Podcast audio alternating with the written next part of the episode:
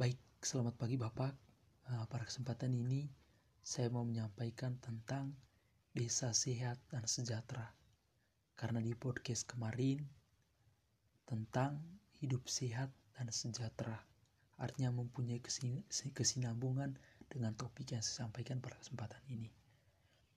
Uh, ada beberapa tujuan ya, terkait dengan desa sehat dan sejahtera. Yang pertama itu meningkatkan pengetahuan dan kesadaran masyarakat desa tentang pentingnya kesehatan. Dan yang kedua, meningkatkan keluarga yang sadar gizi dan meningkatkannya kesehatan lingkungan di desa. Lalu indikator desa sehat. Indikator desa sehat ini yang pertama itu peningkatan peningkatan kapasitas kader PKK dan posyandu uh, guna mendukung ter terwujudnya kesejahteraan keluarga. Ya, bisa meliputi kebersihan lingkungan gizi keluarga pendidikan keluarga. Itu terkait dengan uh, poin yang pertama. Lalu poin yang kedua itu gerakan sadar gizi. Gerakan sadar gizi ini uh, meliputi menimbang berat badan secara teratur uh, memberikan asi kepada bayi ya sejak lahir sampai enam bulan itu makan beraneka ragam minum suplemen gizi dan lain-lain. Lalu uh, yang terakhir uh, gerakan pengelolaan sampah rumah tangga secara mandiri dengan sampah organik kemudian diolah menjadi produk yang bermanfaat itu indikator uh, dari ketiga indikator tersebut ya, menjadi tanggung jawab ya dari semua komponen masyarakat masyarakat desa uh, baik aparatur pemerintahan desa maupun dari tokoh-tokoh pemuda ya tokoh pemuda.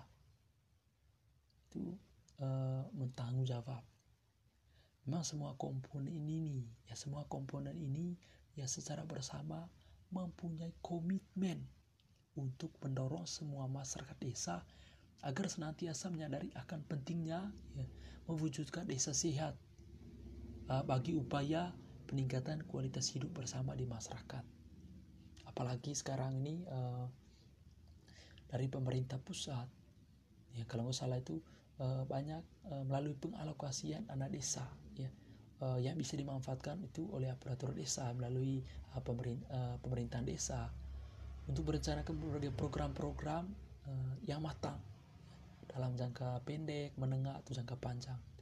Uh, itu uh, demi kesejahteraan masyarakat. Lalu peran masyarakat desanya.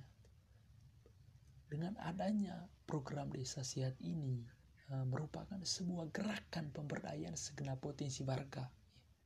Ya, sebuah gerakan pemberdayaan segenap potensi warga dan kelompok masyarakat desa itu dalam menciptakan keluarga dan lingkungan yang sehat. Ya. Uh, lalu mewujudkan ya, desa sehat ini ya perlu ya, peran masyarakat ya perlu peran masyarakat sedangkan ya lembaga pelayanan kesehatannya itu ya hanya sebagai istilahnya motivator ya dalam motivator atau pembimbing dalam upaya kesehatan masyarakat ya. peran masyarakat desa dalam bidang kesehatan ini ya harus diwujudkan dalam upaya mendorong setiap individu ya keluarga dan atau lembaga masyarakat termasuk swasta itu eh, mengambil tanggung jawab atas kesehatan diri, keluarga, dan masyarakat. Ya, dengan mengembangkan kemampuan untuk menyehatkan diri ini, ya keluarga dan masyarakat e, menjadi pelaku perintis kesehatan dan pimpin yang menggerakkan kegiatan masyarakat di bidang kesehatan e, berdasarkan atas kebersamaan, ya atas kebersamaan atau kemandirian dalam mencapai desa yang sehat dapat dilakukan dengan lebih seksama. Itu yang sangat penting uh, kurang lebih seperti itu. Uh, mohon maaf bapak kalau di tempat saya ya suaranya kebisingan. Saya akhiri cukup sekian. Terima kasih. Selamat pagi